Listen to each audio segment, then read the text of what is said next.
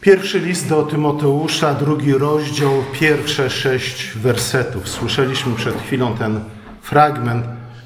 Warto jednak cofnąć się trochę do pierwszego rozdziału, a przynajmniej do końcówki pierwszego rozdziału, ze względu na to, że pod koniec pierwszego rozdziału Paweł wymienia dwóch ludzi, niejakiego Hymenajosa i Aleksandra.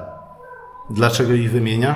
Dlatego, że byli że byli ludźmi, którzy wzniecali spory zamęt w kościele.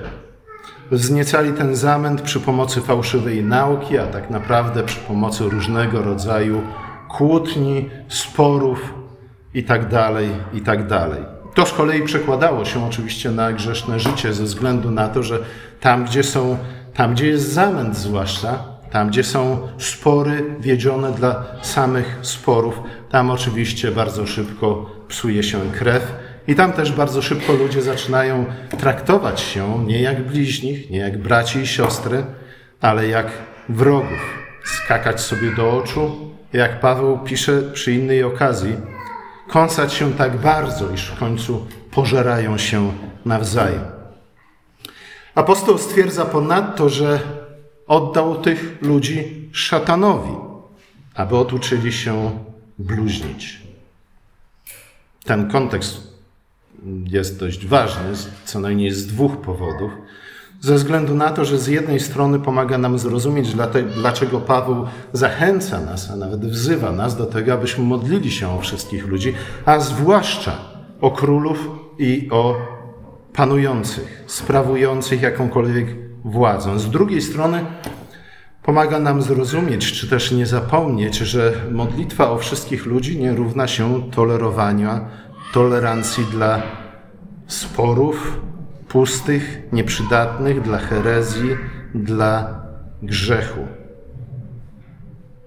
Ze względu na to, że tego rodzaju spory, tego rodzaju kłótnie i walki nie sprzyjają temu, co Bóg dla nas zamierzył, a mianowicie cichemu i spokojnemu życiu.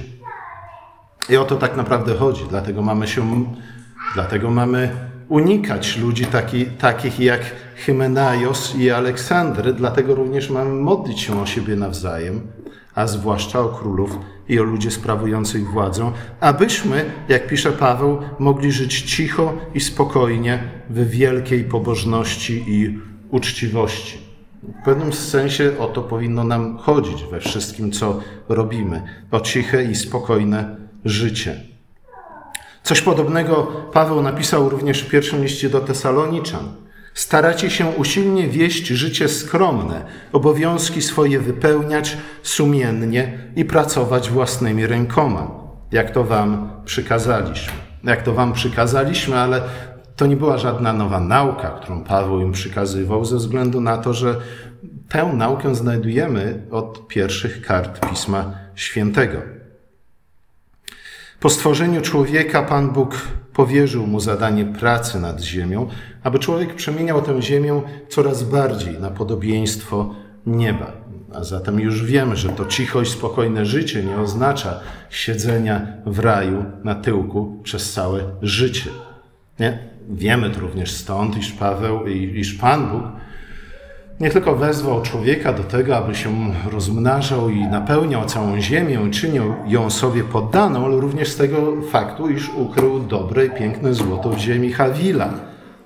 Mówiąc o tym Adamowi, po to, żeby zachęcić go do tego, aby nie siedział na miejscu, ale ruszył się w końcu z niego.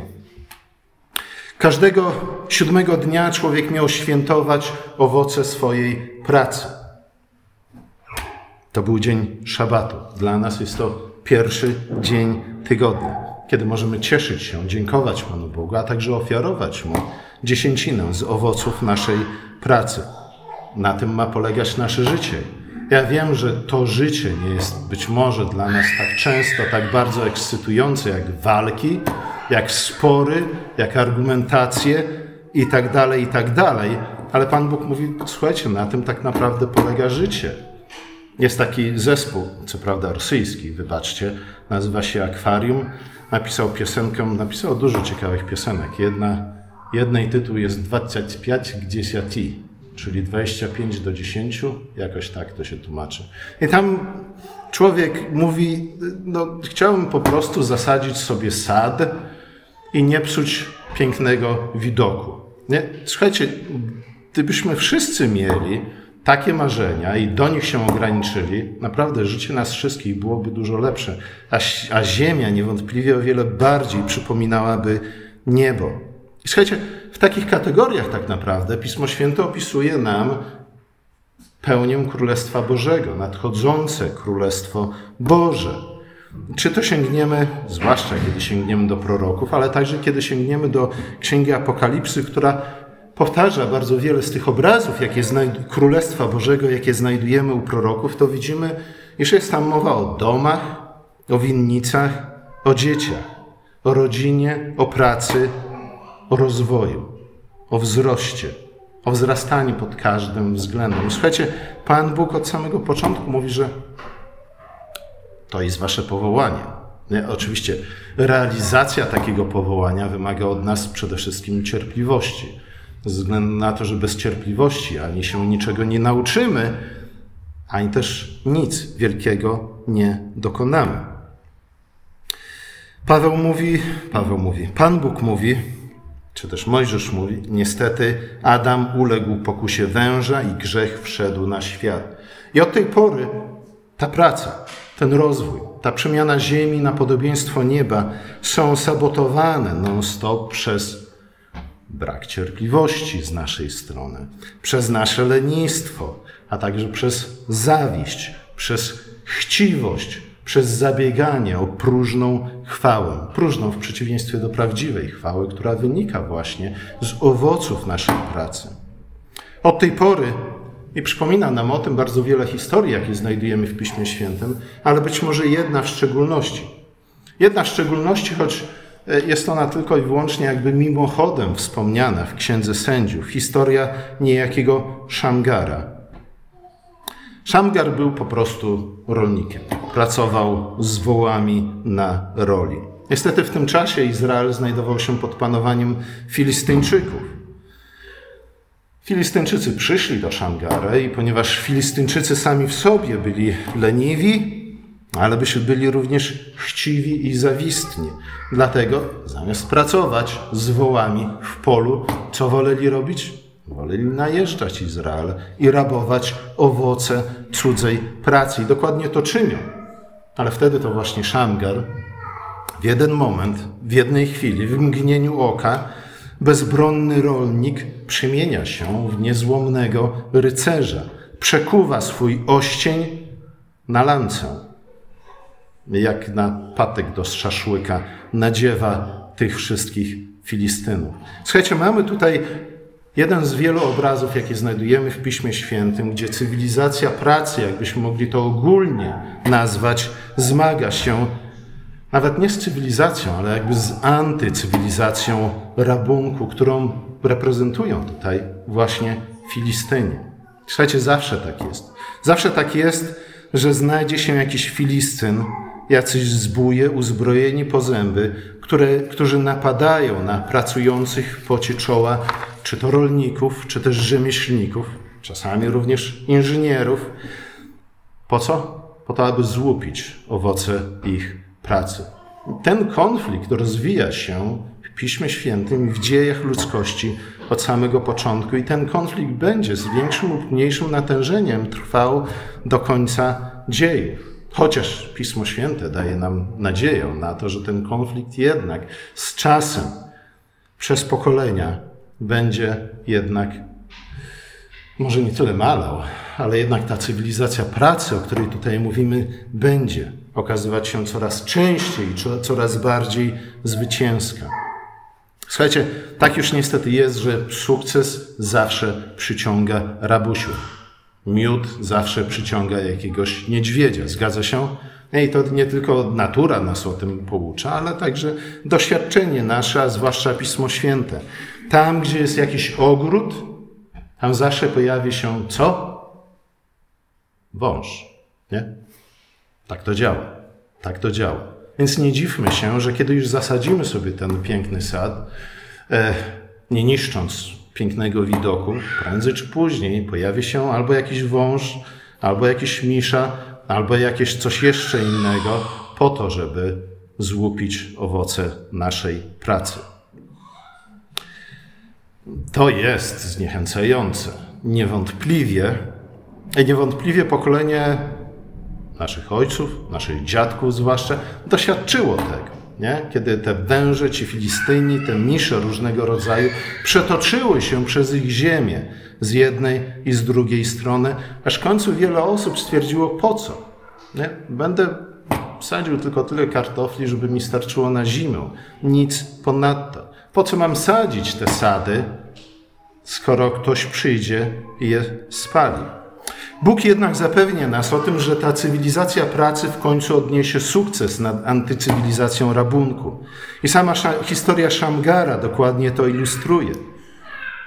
Na pierwszy rzut oka bezbronny rolnik. Niemniej jednak w mądrości Bożej, w mocy Ducha Świętego okazuje się być poskromcą tych, którzy przychodzą po to, aby nastawać na owoce Jego pracy. Zwróćmy jednak uwagę na to, iż Szamgar, podobnie zresztą jak Dawid i bardzo wiele osób, które spotykamy w Piśmie Świętym, którzy wyrastają na wielkich bohaterów, walczących również mieczem, pierwotnie jednak znajdujemy ich w ich warsztatach pracy, czy to przy owcach, czy to przy wołach, czy też w warsztacie ciesielskim albo stolarskim tak to zwykle wygląda. Prześledźcie jeszcze raz następnym razem, jak będziecie czytać Biblię, że to się układa pewien powtarzający się schemat. I być może to jest jedna z głównych różnic pomiędzy przedstawicielami cywilizacji pracy i, cywili- i antycywilizacji rabunku i łupiestwa. Nie? Że, że ci, którzy reprezentują cywilizację pracy, są bardziej zainteresowani pracą, pomnażaniem, wzrostem, rozwojem. A jeśli już chwytają za broń, to po to, żeby bronić swoich warsztatów pracy, po to, żeby bronić swojego pola, po to, żeby bronić swoich rodzin. Pan Bóg zresztą od początku zapowiedział, że tak to będzie musiało wyglądać i to nawet jeszcze przed upadkiem Adama. W drugim rozdziale Księgi Rodzaju Pan Bóg mówi, iż wziął Bóg człowieka i osadził go w ogrodzie Eden, aby go uprawiał i aby go strzegł. Ten element strzeżenia jest widoczny tu od samego początku, ze względu na to, że aby praca, dobra, owocna praca mogła mieć miejsce, mogła zajść, potrzebny jest właśnie pokój. Potrzeba chronić, czy to ogród, czy pole, czy warsztat, czy też cokolwiek innego, jakiekolwiek inne miejsce naszej pracy przed wężem, przed miszą i przed Filistynami. Niestety praca dla wielu wydaje się być niewystarczająco atrakcyjna. Ja bym powiedział, że główny problem tutaj polega chyba jednak znów na braku cierpliwości z naszej strony, ze względu na to, że żeby osiągnąć cokolwiek godnego pochwały, potrzebujemy wiedzy, niewątpliwie, wytrwałości, tak, ale w pierwszej kolejności cierpliwości, żeby zdobyć tę wiedzę, żeby zdobyć wszelkiego rodzaju zdolności, uzdolnienia potrzebne do tego, abyśmy cokolwiek zrobili. Słuchajcie, jakie rzeczy najbardziej, a może nie, może już jesteśmy otumanieni przez TikToka tak bardziej, że przestajemy zwracać na uwagę na, na rzeczy, które kosztowały ludzi ludzkość. Naprawdę niewielki wysiłek. Katedra w Kolonii. Pamiętacie, ile lat ją budowano? Z tego co pamiętam, niemalże 800 lat minęło od czasu rozpoczęcia budowy do ukończenia tej budowy. Możecie sobie coś takiego wyobrazić? 800 lat? Nie? I tu nawet nie chodzi o czas, nie? ze względu na czas symbolizuje tutaj tylko i wyłącznie ten niezmierny wysiłek, pokoleń całych potrzebne do tego, aby ją zbudować. Co prawda ostatnio władze kolonii mówią, że och, ta katedra co prawda góruje nad miastem i jest symbolem miasta od, od wielu wieków, nie? ale ze względu na to, na swój zbyt chrześcijański charakter, powinniśmy znaleźć inny symbol miasta od tej pory, żeby nikogo tutaj nie drażnić. Y, słuchajcie, Wiele można było powiedzieć na, te, na ten temat, ale dlaczego chcemy się pozbyć symbolu, który jest niesamowity na skalę światową? Znaczy, nie my, oni. Tylko po to, żeby nikogo nie drażnić. W pewnym sensie Paweł mówi tutaj w tym liście, zresztą stwierdza to samo, co powiedział Mojżesz w Księdze Powtórzonego Prawa. Mówi, słuchajcie, ale właśnie o to chodzi, nie? Y, poprzez tego rodzaju owoce waszej pracy, które cała ludzkość może podziwiać, powinniście pobudzać inne narody, w tym wszelkiego rodzaju pogan do tego, aby stali się być może zazdrośni, ze względu na to, że ta ich zazdrość w którymś momencie pobudzi ich do zadania pytania, dlaczego oni byli w stanie to dokonać. Dlaczego oni byli w stanie zbudować takie, a nie inne społeczeństwa, takie, a nie inne katedry, takie, tak, a nie inaczej zorganizować sobie wspólne życie, żeby im się dobrze żyło. Generalnie rzecz biorąc. Skąd ta mądrość? W czym tkwi tajemnica ich sukcesu? Paweł mówi tutaj o zbawieniu dla wszystkich ludzi, którego Bóg pragnie, nie? Ale Mojżesz z kolei mówi o mądrości, której udziela nam Pan Bóg przez swoje przykazania, które również sprawią właśnie to, że przyjdą ludzie z wszelkich narodów. Powiedzą tak, my również chcemy mieć tą mądrość, my również chcemy uczyć się od tego samego Boga. Więc mowa w jednym i w drugim przypadku jest o zbawieniu wszystkich narodów. Dlaczego powiedziałam o tej katedrze? No właśnie, nie? Y, to jest, to jest wysiłek. Zbiorowy wysiłek, ba, wysiłek wielu pokoleń. Y, dużo łatwiej jednak jest przyjść i zabrać. Dużo łatwiej jest przyjść i zniszczyć. Ponoć w Anglii, ale chyba nie tylko w Anglii, wokół wielu starych, średniowiecznych kościołów rosną dębowe zagajniki. Wiecie dlaczego? Właśnie po to, że zaczynając budowę tych kościołów, zasadzono te dęby, po to, żeby po iluś tam kilkuset latach, kiedy będzie trzeba wymienić krokwie i tym podobne elementy, zwłaszcza e, zadaszenia, żeby pod ręką rosło już odpowiednie drzewa. No słuchajcie, tego rodzaju myślenia musimy się nauczyć. Do tego rodzaju myślenia Pan Bóg nas zachęca, chociaż jednocześnie przestrzega nas i zapowiada, że słuchajcie, to nie będzie proste, ze względu na to, że będziecie musieli walczyć z dwoma wrogami. Pierwszym wrogiem będzie wasze własne lenistwo i brak cierpliwości. Drugim problemem oczywiście będzie wąż, wszelkiego rodzaju węże, które natychmiast zaczną się zakradać po to, żeby żerować na owocach waszej pracy. Prędzej czy później pojawią się tacy Hymenajosi, Aleksandrzy również, którzy wolą wszczynać kłótnie i waśnie, zamiast robić cokolwiek produktywnego, jak to się mówi, z czego wszyscy mogliby korzystać. Dlaczego kłótnie waśnie? Dlaczego lubimy się tak bardzo kłócić, spierać i waśnić? Posłuchajcie, kiedy kłócimy się, kiedy się spieramy, wydaje nam się, że po pierwsze jesteśmy ważni, bo mamy coś mądrego do powiedzenia. Y, nie tylko mądrego, ale możemy podzielić się jakąś wiedzą tajemną, która jest niedostępna dla większej części ludzkości. A po drugie, no słuchajcie, kłótnia i waśń działa w ten sposób, że bardzo szybko widzimy jej owoce, nie? Albo albo dojdzie do rękoczynów, albo dojdzie do wymiany niecenzuralnych epitetów, albo do czegoś innego i od razu możemy się pochwalić. Możemy powiedzieć, o, ale mu przyłożyłem, nie? Albo możemy powiedzieć, o, jeśli sami bardziej oberwiemy niż, niż nasi y, oponenci, możemy powiedzieć, o, Pan Bóg już od początku zapowiedział to, że będziemy prześladowani, nie?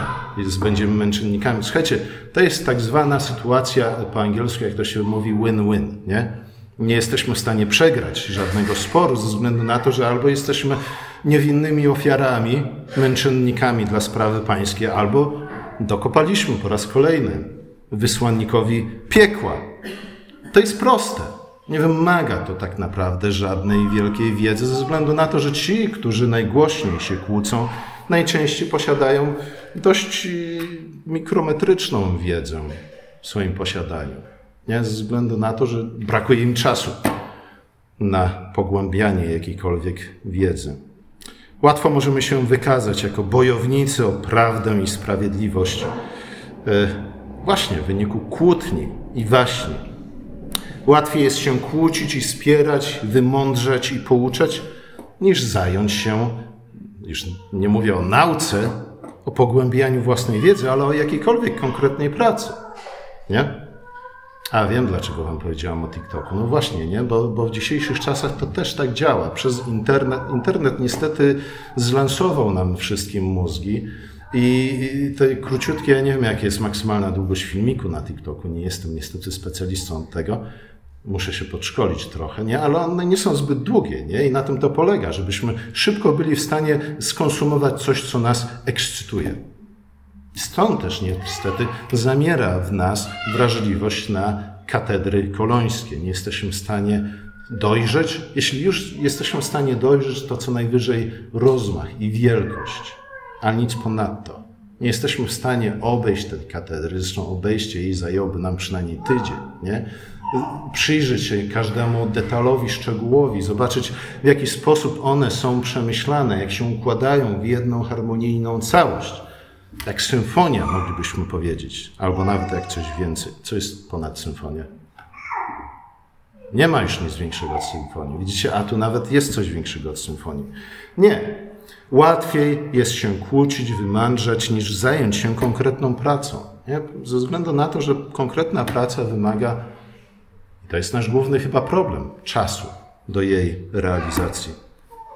Paweł jednak ostrzega, że to, co na początku może być jedynie biciem piany, szybko przekształca się w zamęt, w anarchię, wrogość, przemoc.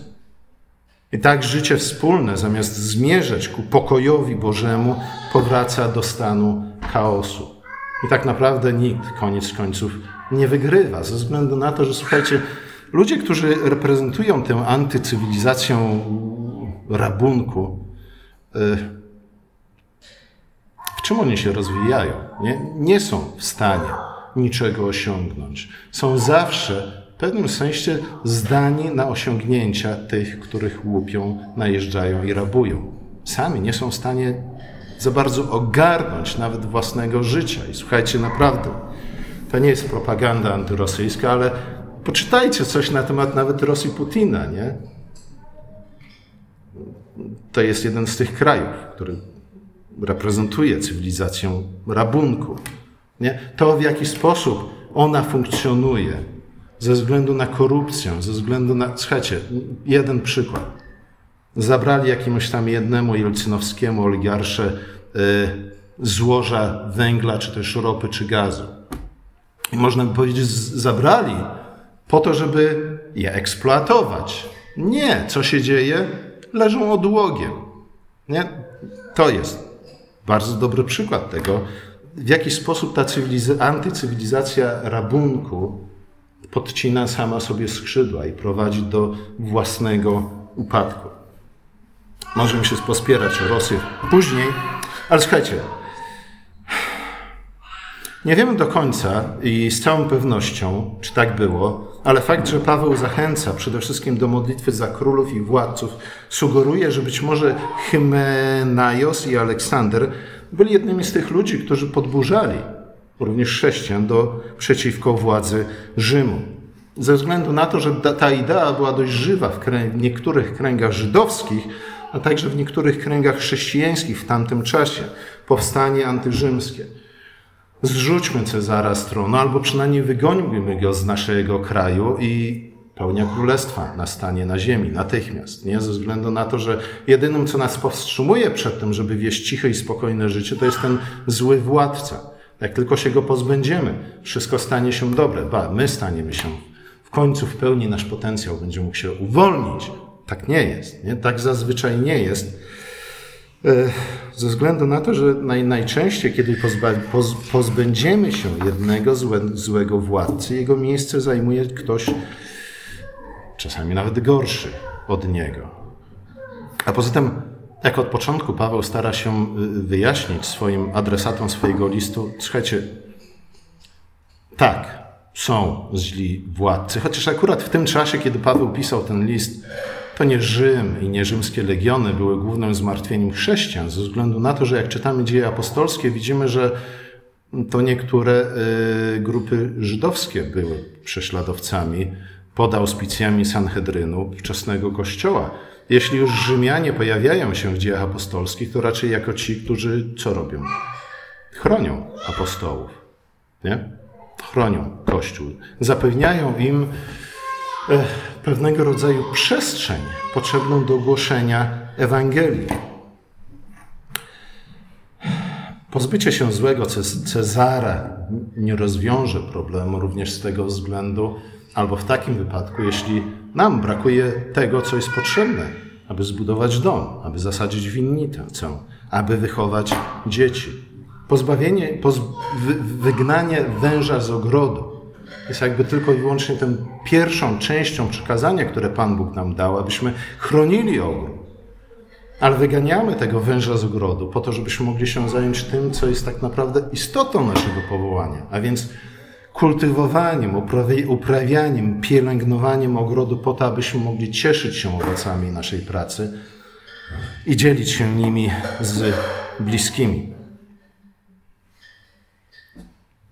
Paweł mówi, módlcie się zwłaszcza o królów i o władców. W liście do Rzymian mówi, słuchajcie, wszelka władza pochodzi od Boga. Ja wiem, że wiele można było mówić na ten temat, E, czy to oznacza, że zawsze i we wszystkim mamy być posłuszni władzy i zawsze we wszystkim mamy się modlić nie tylko o mądrość i o bojaźń Bożą dla władców, ale również dziękować za wszystko, co czynią? No niekoniecznie. Biblia jest tu dość jednoznaczna. Znów dzieje apostolskie. Zresztą Jezus, od Jezusa pewnie powinniśmy zacząć i mówić, który powiedział: Oddajcie cesarzowi to, co cesarskie, a Bogu to, co boskie. Nie mówi albo, albo, nie mówi, że albo służymy Cezarowi, albo Bogu. Nie mówi, że jest pewne rozgraniczenie między tym, co należy się Cezarowi, a tym, co należy się Bogu. Zresztą Później, później Piotr stwierdza, kiedy Sanhedryn mówi, nie wolno wam głosić Ewangelii o y, Chrystusie. Mówi, no ale przecież bardziej należy słuchać Boga niż ludzi. Nie? Tego typu historie pozwalają nam lepiej zrozumieć, w którym momencie kończy się to, co cesarskie, a w którym momencie zaczyna się to, co boskie. Zresztą sam fakt, iż Paweł mówi: módlcie się do Boga za królów i władców, przypomina nam o tym, że no jednak nad tymi królami władcami stoi Pan Bóg. Dlatego modlimy się do Boga za królów i władców. Zresztą później w tym samym liście, w szóstym rozdziale, Paweł mówi, iż jest jeden tylko władca, ostateczny, najwyższy, i nazywa go królem królów i panem panów. Człowiek Jezus Chrystus. Zatem władza człowieka nie jest absolutna i nie może być absolutna ze względu na to, że znów człowiek sam w sobie nie jest tak mądry jak Bóg, nie jest tak dobry jak Bóg. Człowiek, który rości sobie władzą absolutną, skutkiem tego jest tylko zamęt i niedola i nieszczęście. Znów nawet gdybyśmy odłożyli Biblię na bok, historia poucza nas o tym wielokrotnie. A jednak Paweł nie stawia tutaj antytezy pomiędzy władzą człowieka i władzą Boga. Nie jest to wybór albo, albo, albo jesteśmy posłuszni Bogu, albo jesteśmy posłuszni jakiemukolwiek człowiekowi. Nie ze względu na to, że to Pan Bóg, widzimy w Piśmie Świętym, iż On ustanawia władców. On ustanawia różnego rodzaju władzę na ziemi i nad ludźmi również. On przekazuje władzę człowiekowi nad ziemią, aby przemieniał ją na podobieństwo nieba. Problem nie polega w hierarchii władzy, problem raczej polega na tym, kto stoi na szczycie tej hierarchii i czemu służy władza. Czy przemianie ziemi w niebo, czy też raczej przemianie ziemi w piekło. Jeśli temu służy władza, to jednoznacznie jest to, iż władza jest zła i jest zepsuta. Wtedy też, podobnie jak Szamgar, być może mamy nawet obowiązek, aby się jej sprzeciwić. Słuchajcie, nie zawsze to są proste wybory i nie chcecie tutaj spędzić ze mną kolejnych dwóch tygodni, żeby wam dokładnie to wszystko omówił. Ale pamiętajmy o tym, że oczywiście niełatwe to są zawsze wybory. Niemniej jednak czasami przychodzi taki moment, kiedy musimy się sprzeciwić władzy. Zwłaszcza wtedy, kiedy ona zamienia ziemię nie w niebo, ale w piekło. Z drugiej strony warto pamiętać o tym, iż zazwyczaj te próby sprzeciwienia się władzy, nawet jeśli ona jest złą władzą, niestety kończą się tym, iż lekarstwo okazuje się być gorsze od choroby. Więc trochę ostrożności tutaj jest zalecane. Generalnie rzecz biorąc, trzecie, mamy być jak szamgar, pracować z wołami w polu. Kiedy mamy być czy to rolnikami, czy rzemieślnikami, czy inżynierami, czy kimś podobnym, e, z wyboru. Nie? To ma być nasze marzenie i nasze pragnienie. Jeśli już zostajemy wojownikami, to powinniśmy zostawać nimi raczej z konieczności niż z wyboru, ze względu na to, że znów pokój jest nam potrzebny do tego, abyśmy mogli rzeczywiście budować domy, sadzić sady, wychowywać dzieci, a być może nawet dokończyć życia w gronie rodziny i przyjaciół. Generalnie rzecz biorąc, mamy być rolnikami i rzemieślnikami wyboru, z wyboru, a żołnierzami z konieczności. Mamy zaprowadzać pokój Boży i przemieniać ziemię na podobieństwo nieba, a sięgać po broń w ostateczności. Zbytnia porywczość, zbyt pochopne chwytanie za broń sprawiają, że zamiast pokoju siejemy zamęt. Tak jak ten właśnie niechlubny Hymenaios i Aleksander. Nie zapominajmy o tym, co, Pan Bóg, e, co Paweł pisze w pierwszym liście do Koryntian, iż Bóg nie jest Bogiem zamętu, ale pokoju. Często niestety o tym zapominamy, zwłaszcza w bardziej burzliwych czasach, ale nawet kiedy czasy są, nie są burzliwe, to szukamy naprawdę wszystkiego, czego możemy się przyczepić po to, żeby rozdmuchać to do rozmiarów wojny atomowej co najmniej. Utarczki, podjazdy, wojenki, podgryzywanie, podgry, nie, podszczypywanie się, e, podkąsywanie się. Paweł mówi, prędzej czy później to zawsze prowadzi do tego, że pochłoniemy się nawzajem. To nie może być celem samym w sobie. Jeśli już odwołujemy się do oporu, do walki, zbrojnej czasami, niestety, to musimy się upewnić, że nie ma innej drogi i że przysłuży się to pokojowi Bożemu. Słuchajcie, kiedy patrzymy na Stary Testament, na resztę wcześniejszą historię Pisma Świętego, widzimy, Jeremiasz zachęca uchodźców e, żydowskich w Babilonie, aby modlili się o pomyślność miasta, do których Pan Bóg ich zesłał. Ze względu na to, iż prorok przymierze przypomina pomyślność tego miasta. Od pomyślności tego miasta zależy wasza pomyślność. Nie? To jest ciekawe. Są na wygnaniu w obcym imperium, a Pan Bóg wciąż ich zachęca do modlitwy o pomyślność tego miasta. Nie? Tu widzimy po raz kolejny, iż Paweł nie wymyślił sobie jakiejś nowej nauki, ale powtarza to, co powinniśmy znać z wcześniejszych kart Pisma Świętego. Pamiętamy o tym, jaką postawę zajął Daniel w Babilonie. Słuchajcie, Daniel w Babilonie, znów dużo można by było mówić. Nie był takim powolnym narzędziem, marionetką w rękach władców Babilonu, ze względu na to, że kiedy trzeba, trzeba było, był gotów pójść na śmierć. A niemniej jednak był jednym, tak naprawdę w którymś momencie najważniejszym doradcą króla. Józef w Egipcie. Podobna historia. Co prawda, przyszły czasy Mojżesza, kiedy zarówno stosunek do Egiptu, jak i sposób odnoszenia do Egiptu musiał się zmienić. Nie? Znów widzimy, że częścią mądrością, mądrości jest znajomość czasów, abyśmy wiedzieli, kiedy jest czas, aby tego samego, tej samej rzeczy używać raz jako ościenia, a raz jako dzidy.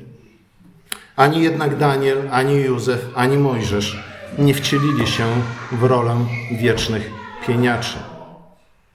Raczej na tyle, na ile ich współpraca z władzami, które moglibyśmy nazwać nawet władzami niezbyt przychylnie nastawionymi, służyła dobrobytowi ludu Bożego, na tyle szli na tę współpracę. Ja wiem, że to Brzmi, brzmieć może trochę obrazoburczo, nie? ale pamiętajcie o tych wszystkich różnych zastrzeżeniach, które poczyniłem w czasie tego kazania. Nie stali się ani Daniel, ani Józef, ani Mojżesz Hymenaj, Hymenajosem, ani Aleksandrem, którzy kochali wojnę bardziej niż pokój. I być może warto by było, abyśmy my również kochali naukę i pracę bardziej niż wojnę i różnego rodzaju spory.